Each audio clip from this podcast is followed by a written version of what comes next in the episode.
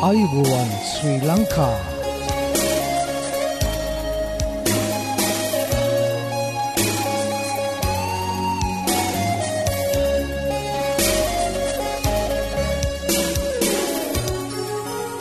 ඔබට සුපදවස මේ ඇඩවෙන්ටිස්වර් රේඩියෝ බලාපොරොත්වය හඬයි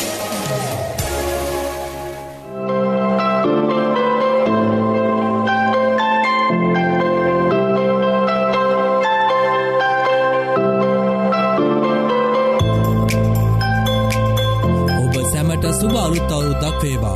ඉතින් මේ ලැබව අලුත් අවුරුද්ද සාමය සතුට පිරි නීරෝගි කමින් පිරිපුන් දේවා ආශිර්වාදයෙන් සපිරි සුබම සුබ අලුත් අවුරුද්දක් වේවා කියා මා ඇතුළු AWR කාර්මණ්ඩලය ඔබලාට ප්‍රාර්ථනා කරනවා.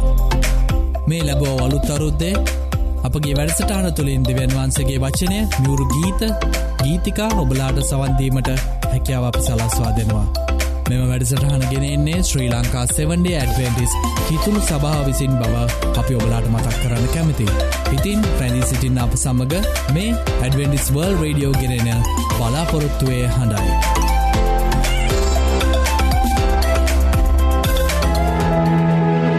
ආයිලෝවන් මේ ඔබ සවන් දෙන්නේ ඇඩවෙන්ටිස් වර්ල් රේඩියෝ බලාපොරොත්තුවේ හඬටයි.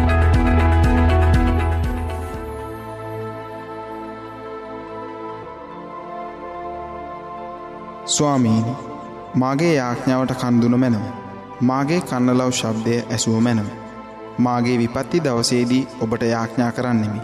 මක් නිසාද ඔබ මට උත්තර දෙනසේද. ගීතාවලිය අසූහයේ හයවෙනි පරිච්චේදේ අටදක්වා.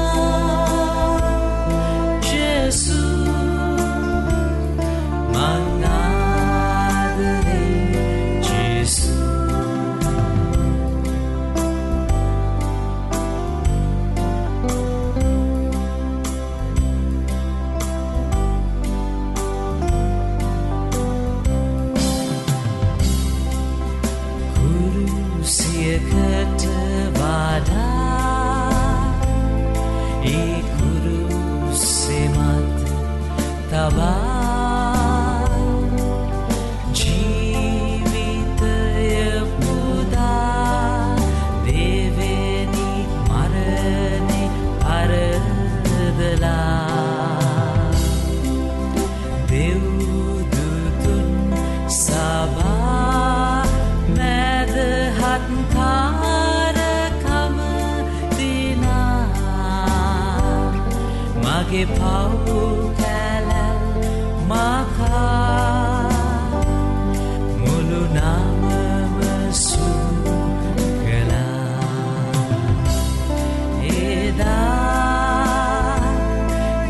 Jesús,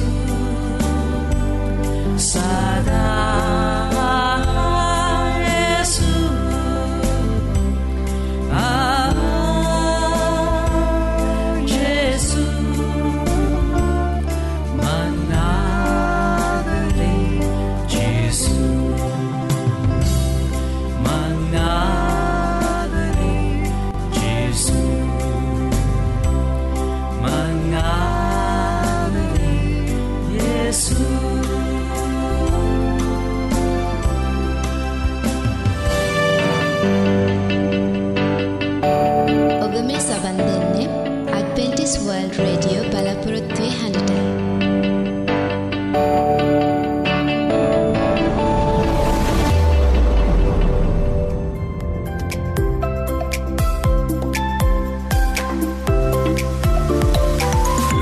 සහෝදරවරණී දැන් අපි සූදානම් වෙන්නේ අද දවසේ ගෙනෙන්න්නව ඒ ධර්මදේශනාවට සවන්දීම සඳහයි අද දවසේ ධර්මදේශනාව ගෙනෙන්නේ මලිත් පෙරරා දේවගෙතතුමා ඉතින් මෙතැන් පටන් ඔහු ගෙනෙන්න්නාවේ අනගි වචනයට සවන්දීමට අපි සූදානම් වෙමු.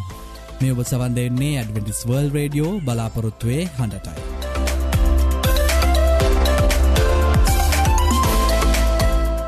ඇඩවෙන්ටිස් වර්ල්ඩ් රේඩියෝ බලාපොරොත්තුවේ හඬ ගුවන් විදිරි සේවය සමඟ එක්ව සිටින ඔබට සුභ නව වසරක් ප්‍රාර්ථනා කරනවා. ඉති මේ අලුත් අවුරුද්දේ ඔබත් සමඟ කතා කරන්ට ලැබුණු මේ අවස්ථාව දෙවි සමිධානන් මට ලබාදුන් මහත් වූ භාග්‍යයක් කොට මා සලකනවා. අලුත් අවුරුද්දක් කියන්නේ අපි බොහෝ දෙනෙක් අලුතෙන් හිතන්න පටන්ගන්න දවසක්. අද දවස්සේ බොහෝ දෙනෙක් බොහෝ තීන්දු තීරණ අරගන්නවා. අලුතෙන් තීරණ ගන්නවා. සමහර තිබුණ ගති පැවතුම් එහෙම නැත්නම් සමහර පුරුදු වෙනස් කරගණ්ඩ තීරණයක් කරගන්නවා. ඇති මේ අලුත් අවුරුද්දේ අපි දෙවියන් වහන්සේගේ වචනය තුළ ඒ අලුතෙන් හිතන්ට අවස්ථාවක් මේ මොහොතේ උදාකර ගනිමු. උන්වහන්සේගේ වචනය වෙතට යොමු වෙන අපි උන්වහන්සේගේ මඟ පෙන්වීම ඉල්ලලා මොහොතක් උන්වහන්සේට කතා කරමු. දයවන්ත දේවපාණන් වහන්ස ඔබ වහන්සේට ස්තුතිවේවා ප්‍රශංසාවේවා. ප්‍යාණනී ඔබ වහන්සේගේ කරුණාව තුළ අවුරුද්දක් පුරාවට ඔබ වහන්සේ අප ආරක්ෂා කරමින් තවත් අලුත් අවුරුද්ධකට අප ගෙනැවිත් තිබෙන නිසා අපි ස්තුති ප්‍රශංසා කරනවා. පියාණන් වහන්ස එළබෙන අවුරුද්ධ ඔබ වහන්සේගේ දෑතට අපි භාර කරනවා. මෙවර්ෂයේ අපේ සියලු කටයුතු ඔබ වහන්සේගේ දෑතට භාර කරනවා. පියන්නේ මේ මොහොතේ ඔබ වහන්සේගේ වචනය වෙතට යොමුුවෙන අපිට ආත්මයණන් වහන්සේගේ මඟ පෙන්වීම දානය කරන්ට කයා බැගෑපත්තු ඉල්ලා සිටිනවා. මෙ වචන අසන්නන්ට. එවචන තුළ ඔබවහන්සේගෙනෙන් නව පනිවිඩිය අවබෝධ කරගන්ට ආත්මයණන් වහන්සේගේ බලය ලබාදෙන්ට කියා අයද සිටිනවා. පියාණන් වහන්ස ඔබ වහන්සේ එදේ කරන නිසා මේ ආඥාවට පිළිතුරු දෙමින් මේ මොහොතේ අප සමග ඉන්න නිසා ස්තුති ප්‍රශංසා කරමින් භාරවෙන්නේ ගැලුම් කරයේසුස් වහන්සේගේම උතුම් වූත් ප්‍රේමවන්ත වූත් නාමේනී ආමේන්. මගේ දයාබර සහෝදරය සහෝදරිය අපි හැම දේකම ආරම්භයක් දකිනෝ පටන් ගැන්මක් අපිට තියෙනවා. ඉතින් මේ අවුරුද්ධ පටන් ගන්න දවසේ මම හිත් කල්පනා කළා අපි අවධානය යොමු කරන්න දේව වචනයේ පටන් ගැන්මට. බයිබලයේ පළමුවෙනි පොතේ පළමුවෙනි පදයට. මෙතන අපිට කියනවා පටන් ගැන්මෙහිදී දෙවියන් වහන්සේ අහසත් පොළවත් මැවූසේක. පටන් ගැන්මේදී දෙවියන් වහන්සේ. පටන් ගැන්ම දෙවියන් වහන්සේගෙන් දේව වචනයේ ආරම්භයේ තියෙන වචන හරි ලස්සනයි. පටන් ගැන්මේදී දෙවියන් වහන්සේ මේ පටන් ගැන්ම හිටිය වෙන කවුරුත් නෙවේ දෙවියන් වහන්සේ. සියල්ලේ ආරම්භය උන්වහන්සේ සියලු දේ පටන් ගැන්ම උන්වහන්සේ. උන්වහන්සේ තමයි හැම දෙයක්ම පටන්ගන්නේ. මේ ලෝකය පටන්ගත්තේ උන්වහන්සේ නිසා මොකද උන්වහන්සේ මේ ලෝකයේ මවපු නිසා. ලෝකයේ තිබෙන සියල්ලත් උන්වහන්සේගේ මැවීම උන්වහන්සේ තුළ පටන්ගත්තේවල්. ඒ ලෝකයේ ඉන්න ඔබත් මමත් උන්වහන්සේගේ ඒ පටන් ගැන්මීම කොටසක්. උන්වහන්සේ තමයි අපිව මවන්නේ. උන්වහන්සේ තමයි අපිව මේ ලෝකයට ගෙනෙන්නේ. මනුෂ්‍යයා ඇති කරන්නේ ඒ දූවිල්ල තුළින් මනුෂ්‍යාව හදලා උන්වහන්සේ මනුෂ්‍යාව මෙලෝකයට ගෙනේනවා. මගේ දයාබර සහෝදරිය සහෝදරී ඒ විතරක් නෙවෙයි. පාපයට වැටිලා උන්වහන්සේකින් ඈත්වෙච්ච අපිව නැවතත් උන්වහන්සේ වෙතට ගෙනේන ඒ යහපත් වැඩේ ඇත් උන්වහන්සේම අපේ ජීවිත තුළ පටන් ගන්නවා. අපිට හම්බෙනවා දේව වචනයේ පවුල්තුමාගේ ලියවිලිවල පිලිප්පි පොතේ පළවෙනි පරිච්චේදේ හයවෙනි පදේ පවුල්තුමා කියනවා නුබලා තුල යහපත් වැඩක් පටන්ගත් උන්වහන්සේ යේසුස් ක්‍රිස්තුස් වහන්සේගේ දවස දක්වා ඒක සම්පූර්ණ කරන සේකැයි යන මේ විශ්වාසය ඇතුව සිටිමි. මගේ සහෝදරය සහෝදරිය උන්වහන්සේ මේ ලෝකය මැව්ව විතරක් නෙවෙයි. අපි තුළත් යේසුස් ක්‍රිස්තුස් වහන්සේ තුළ උන්වහන්සේ ඒ ගැලවීමේ මහත් වූ ක්‍රියාවලිය පටන් අරගෙන තියෙනවා. හැම පටන් ගැන්මකම ඉන්න උන්වහන්සේ මේ අලුත් අවුරුද්ධ පටන්න වෙලාවෙදි අපි කල්පනා කරන්නට අවශ්‍යයි. අපි මේ අලුත් අවුරුද්ධ පටන් ගන්නෙ කොහෙන්ද. මේ අලුත් අවුරුද්ධ අපි පටන් ගන්ට ඕනෙ කොහෙන්ද. මම මීට පෙර ප්‍රකාශ කළ ආකාරයට අපි සමහරු බොහෝ තීරණ ගන්නවා. අලුත් අවුරුද්දේ බොහෝ දේ ගැන අපි කල්පනා කරනවා. හැබැයි අපි සමහරුන්ට එහෙම හිතන්න දෙයක් නෑ අලුත් අවුරුද්දත් තවත් එක දවසක්. අපේ ජීවිතයේ සමහර විට අපි දකිනවා අපි හිස් කමින් පිරලා ඉන්නවා. ජීවිතේ බොහොම හිස්. කිසිම දෙයක් නැහැ. අපිට හිතන්න අලුත් දෙයක් නැහැ. වෙනද විදියටම ජීවත් වෙනවා. මගේ සහෝදරය සහෝදරිය. අපි ආයෙත් යොමු වෙනවා උත්පත්ති පොතටම. උත්පත්ති පොතේ අපි පටන් ගත්ත පළමුවෙනි පරිච්ඡේදයේ පළමුවෙනි පදයෙන්. එතනදී අපිට කිව්වා පටන් ගැනීමේදී දෙවියන් වහන්සේ අහසත් පොළොවත් මැවුසේක උන්වහන්සේ සියලු දේ මැව්වා. උන්වහන්සේ සියලු දේ පටන් ගත්තා. හැබැයි ඒ පටන් ගන්න කලින් කොහොමද පොළොව තිබුණේ කියලා අපිට දෙවෙනි පදේ කියනවා. උත්පත්ති පළවෙනි පරිච්ඡේදයේ දෙවෙනි පදයේ පොළව වනාහි පාළුව හිස්ව තිබුණාය. ගැඹුර පිට අන්ධකාරය විය. දෙවියන් වහන්සේගේ ආත්මය ජල මතුවෙහි හැසිරෙමින් සිටිසේක. මස් අයාබර සහෝදරය සහෝදරිය ඔබ මෙමොහොතේ හිතනවා ඇති මගේ ජීවිතය හිස්. මගේ ජීවිතය කිසි දෙයක් නැහැ. මට බලාපොරොත්තුවක් නැහැ කියලා. නමුත් මේ බලාපොරොත්තුවේ හඬගුවන් විදුලි සේවය ඔස්සේ මම ඔබ වෙතට ගෙන යනවා දෙවියන් වහන්සේගේ ඒ මහත් වූ බලාපොරොත්තුව. ඔබේ ජීවිතේ මොන ආකාරයේ හිස්කමක් තිබුණත් දේව වචනය කියනවා මේ ලෝකය පාළුව හිස්ව තිබුණ අන්ධකාරය තිබුණේ කිසි දෙයක් නැහැ. නමුත් ඒ අන්ධකාරව පාළුව හිස්ව තිබුණ ලෝකය තුළ උන්වහන්සේගේ ආත්මය හැසිරෙමින් සිටියාය කියනවා. උන්වහන්සේ ඒ හිස්කම මැද්දෙත් හිටියා. මගේ සහෝදරය සහෝදරිය. උන්වහන්සේ නැහැයි කියල අපිට හිතන වෙලාවක වුණත්. අපේ ජීවිතයේ කිසි බලාපොරොත්තුවක් නැහැ කියලා අපිට හිතෙන අවස්ථාවක වුණත්. උන්වහන්සේ අපිත් එක්ක ඉන්නවා. උන්වහන්සේ නැති හිස් තැනක් නැහැ. මේ ලෝකයේ හිස්ව පාළුව තිබෙන වෙලාවෙත් උන්වහන්සේ මේ ලෝකය තුළ හිටිය. එහෙමනං අද උන්වහන්සේ මේ ලෝකයේ බොහොම ලස්සන්ට මවල. උන්වහන්සේගේ ස්වරූපයට අපිව මවල මේ ලෝකයේ තැම්පත් කරලා තියෙද්දි. මේ ලෝකය අපිට බාරදීලා තියෙද්දි. උන්වහන්සේ තව කොයි තරම් වැඩියෙන් අපිත් එක්ක ඉන්නවද. හිතන්න. හිස්ව තිබුණ ලෝකය තුළත් උන්වහන්සේ හිටියනම්. උන්වහන්සේ ආදරය කරන මනුෂ්‍යයා ඉන්නා වූ මේ ලෝකය තුළ උන්වහන්සේ ඉන්නවා. ඔබේ මගේ ජීවිතය තුළ උන්වහන්සේ ඉන්නවා. උන්වහන්සේ බොහොම ආදරයෙන් අපි ළඟට වෙලා ඉන්නවා. ඒ තැනැන් වහන්සේ අලුත් දෙයක් අපේ ජීවිත තුළ පටන්ගන්ට බලාපොරොත්තුවෙන් ඉන්නවා. මගේ සහෝදරය සහෝදරිය මේ ලෝකය තුළ හෝ මේ ලෝකයෙන් පිට අපිට උන්වහන්සේගෙන් සැඟවෙන්ට තැනක් නැහැ. දවිත් රජතුමා එකසිය තිස් නමවෙනි ගීතිකාවේ බොහොම ලස්සන්ට මේක පැහැදිලි කරනවා. හත්වෙනි පදේඉදල දුරස්නි පදයට කොටස ඔබ කියවල බැලුවොත් එතන අපිට කියනවා. අපිට උන්වහන්සේගෙන් හැන්ගෙන්ට තැනක් නැහැ. ගැඹුරට ගියත් කොහෙට ගියත් අපිට හැන්ගෙන්ට තැනක් නැහැ.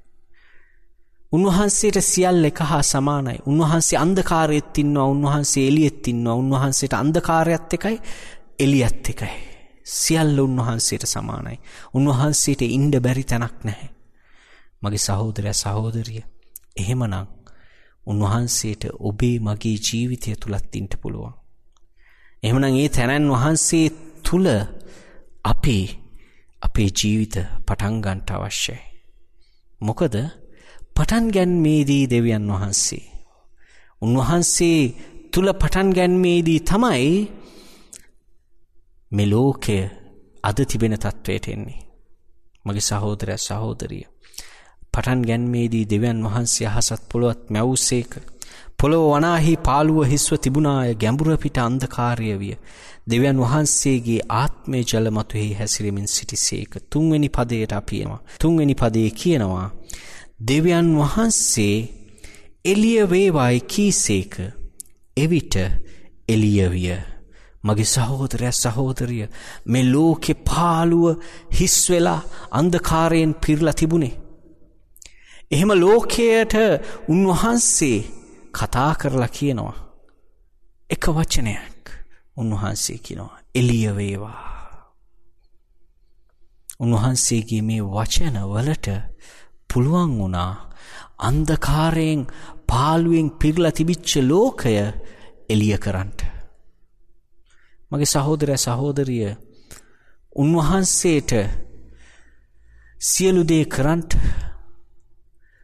අලුත් වෙනසක් ඇති කරන්ට වචනයක් ප්‍රමාණවත්. උන්වහන්සේගේ වචනයට කරන්ට බැරි දෙයක් නෑ.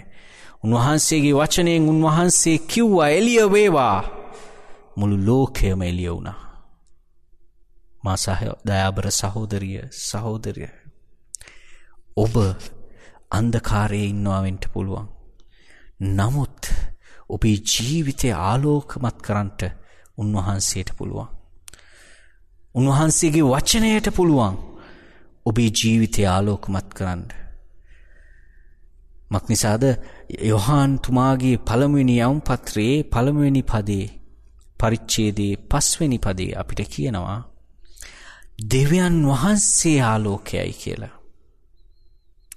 උන්වහන්සේ ආලෝකය උන්වහන්සේ තුළ ආලෝකය තියෙන අන්ධකාරයට උන්වහන්සේ තුළ ඉඩක් නැහැ. එහෙමනං උන්වහන්සේට පුළුවන් ඔබේ මගේ ජීවිතය ආලෝකමත් කරන්නට. අදයාබර සහෝදරය සහෝදරිය ඔබට මම මේ මොහොතේ ආරාධනා කරනවා. උන්වහන්සේ තුළ මේ අලුත් අවුරුද්ධ පටන් ගන්ට. ඔබේ මේ අලුත් අවුරුද්ධ පටන් ගැන්ම දෙවියන් වහන්සේ බවට පත් කරගන්ට. අපිට මේ අලුත් අවුරුද්දේ අපි බලාපොරොත්තු වෙන බොහෝ කාරණාවන් තිබෙන්ට පුළුවන්. අපි හොයන බොහෝ දේ තිබෙන්ට පුළුවන්. අලුත් අවුරුද්ද අපි කල්පනා කරන බොහෝ කාරණාවන් තුළදී අපි හිතන්නේ මේ ලෝකයේ කාරණාවන් ගැන. අපි හිතන්නේ ලෞකීක දේ ගැන. නමුත් මා දයාබර සහෝදරිය සහෝදරය මායාචනා කරනවා ඔබෙන්. උන්වහන්සේව හොයන්ට. උන්වහන්සේගේ කැමැත්තට ඔබේ ජීවිතය බාරදෙන්ට. ඔබේ පටන් ගැන්ම උන්වහන්සේ බවට පත් කරන්නට. උන්වහන්සේට පුළුවන් ඔබේ ජීවිතය ආලෝකමත් කරන්නට. අපි උන්වහන්සේගේ කැමැත්තට යටත් වෙනවනම් උන්වහන්සේ අපි සමගයින්ට යනවා මොකද උන්වහන්සේගේ කැමැත්ත අපි මේ ලෝකයේ දේවල් නොසොයා උන්වහන්සේව සෙවීම. යේසුස් වහන්සේ ඒ බව අපිට මතයුතුමාගේ සුභාරංචියේ හයවෙනි පරිච්ඡේදයේ සඳහන් කරනවා. උන්වහන්සේ 33 වෙනි පදේ කියනවා "නමුත් පළමු කොට උන්වහන්සේගේ රාජ්‍යද උන්වහන්සේගේ ධර්මිෂ්ඨකමද සොයාපල්ලා. මේ සියල්ලත් නුඹලාට දෙනු ලබන්නේය. එහෙමනම් අපි පළමු කොට හොයන්ට ඕනේ මේ ලෝකීය කාරණාවන් නොවේ. උන්වහන්සේගේ රාජ්‍යත් උන්වහන්සේගේ ධර්මිෂ්ඨකමත්. ඒක තමයි උන්වහන්සේගේ කැමැත්ත. අපි උන්වහන්සේව හොයනවට. උන්වහන්සේගේ රාජ්‍ය හොයනවට. ඒ රාජ්‍යයට ඇතුල්වෙන්ට අපි අපේ ජීවිත සූදානම් කරගන්නවට. මගේ සහෝදරය සහෝදරිය අපි ඒ දේ කරනවනම් ඔබ උන්වහන්සේ තුළ මේ අලුත් අවුරුද්ධ පටන් ගන්නවනං උන්වහන්සේ සූදානම් ඔබේ ජීවිතයේ මහත් වෙනසක් ඇති කරන්නට ඔබ උන්වහන්සේව හොයන කෙනෙක්වෙන්ට. ඔබේ බලාපොරොත්තු ගොඩක් තිවෙන්ට පුළුවන් නමුත් එස්සියල්ල සම්පූර්ණ කරන්නට උන්වහන්සේට පුළුවන් ඔබ ඔබේ ජීවිතය උන්වහන්සේට බාර දෙනවනම්. එහෙමනම් මා දයාබර සහෝදරය සහෝදරිය ඔබ මෙ මොහොතේ මා සමග තීරණයක් ගන්ට. මා සමග එක්වෙන්ට මේ අලුත් අවුරුද්ද මම දෙවියන් වහන්සේ තුළ පටන් ගන්නවා. මගේ මේ අලුත් අවුරුද්දේ පටන් ගැන්මේදී දෙවියන් වහන්සේ මගෙත් එක්ක ඉන්ට යනවා. මම උන්වහන්සේට භාරවෙමු. අපි ආඥා කරමු. දයාවන්ත දේව පියාණනී ඔබ වහන්සේ පටන් ගැන්ම නිසා අපි ඔබ වහන්සේට ස්තුති කරනවා. පියාණන් වහන්ස මේ අලුත් අවුරුද්දෙ පටන් ගැන්මේදී ඔබ වහන්සේ අපි සමඟ ඉන්න නිසා අපි ඔබ වහන්සේට ප්‍රශංසා කරනවා. පියාණනී ඔබ වහන්සේ මේ මොහොත අපි එකනෙකා සමගයින්ට අපිට ඔබ වහන්සේගේ කරුණාවදෙන්ට ඔබ වහන්සේ අපේ ජීවිත එලිය කරන්ට. ප්‍යාණනී අන්දකාරව දුකින් බරව පවතින අපේ ජීවිත ඔබ වහන්සේගේ වචනයට එලිය කරන්නට පුළුවන්. එනිසා මේ අලුත් අවුරුද්ද අපි ඔබ වහන්සේට භාර කරනවා. ප්‍යාණනී ඔබ වහන්සේගේ රාජ්‍ය හොයන්ට ඔබ වහන්සේගේ ධර්මිෂ්ඨකම හොයන්ට මේ අලුත් අවුරුද්ධ අපිට මඟ පෙන්වන්ට. ප්‍යන්‍ය ඔබ වහන්සේව හොයන ඔබ වහන්සේව නොදන්න මගේ සහෝදර සහෝදරියන්ට ඔබ වහන්සේ මේ අලුත් අවුරුද්ද ඔබ වහන්සේව හොයන අවුරුද්දක් බවට පත්කර දෙෙන්ට කියා බැගෑ පත්වා ඇදිනවා. පියාණන් වහන්ස ඔබ වහන්සේ අපි ආඥාවන් අසන නිසා ස්තුතිවන්ත වෙන මේ මොහොතේ මේ ආඥාව හා සම්බන්ධව සිටින මගේ සහෝදරයාව මගේ සහෝදරියව ඔබ වහන්සේගේ දෑතට භාර කරනවා. ප්‍යාණනි ඔබ වහන්සේ ඔවුන් සමගයින්ට. ඔන්ගේ ජීවිත ආලෝකයෙන් ඔබ වහන්සේ පුරුවන්ට මේ අලුත් අවුරුද්ධ ඔන්ගේ ජීවිතවල සපලමත් අවුරුද්දක් බවට ඔබ වහන්සේ පත් කරන්නට. ඒ සපලත්වය ඔබ වහන්සේ තුළත් විඳින්ට ඔබ වහන්සේ ඔවුන්ට මඟ පෙන්වන්ට. ප්‍යාණනී ඔබ වහන්සේ මගේ ආඥාවට කන්දුන් නිසා ස්තුති කරමින් භාරවෙන්නේ. ගැලුම්කාර යේසුස් වහන්සේගේම උතුම්මුත් ප්‍රේමවන්ත උත්නාමේනී ආමීන්. ආයිලෝවන් මේ ඔබ සවන් දෙන්නේ ඇඩවෙන්ටිස් වර්ල් රේඩියෝ බලාපොරොත්තුවේ හඬටයි. ඔබ කඳළු බර ජීවිතයක් ගත කරනවාද? අසහනකාරී ජීවිතයක් ගත කරනවද? එසේනම් එයට පිළිතුරු යේසුස් වහන්සේ. මෙතුමා ගැන දැනගැනීමට නම් අපගේ සේවයට සවන් දී අපේ සේවය තුලින් නොමිලේ පිදෙන බයිබල් සහ සෞඛ්‍ය පාඩම් මාලාවට අදම ඇතුල් වන්න. මෙන්න අපගේ ලිපින ඇඩ්වෙන්ටිස් වර්ල්ඩ් රේඩියෝ බලාපොරොත්තු වේ අඩ තැපැල් පෙට්ටිය 9.5 කොළඹ 3.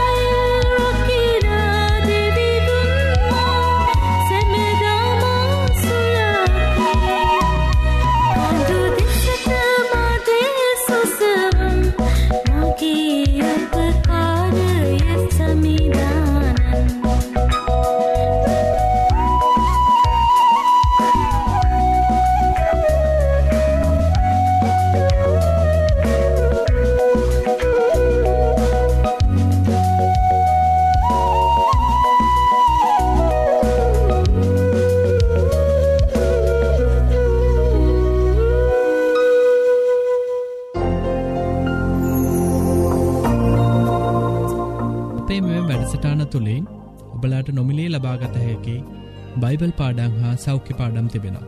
ඉතිං ඔබලා කැමතිනං ඒවට සමඟ එක්වෙන්න අපට ලියන්න.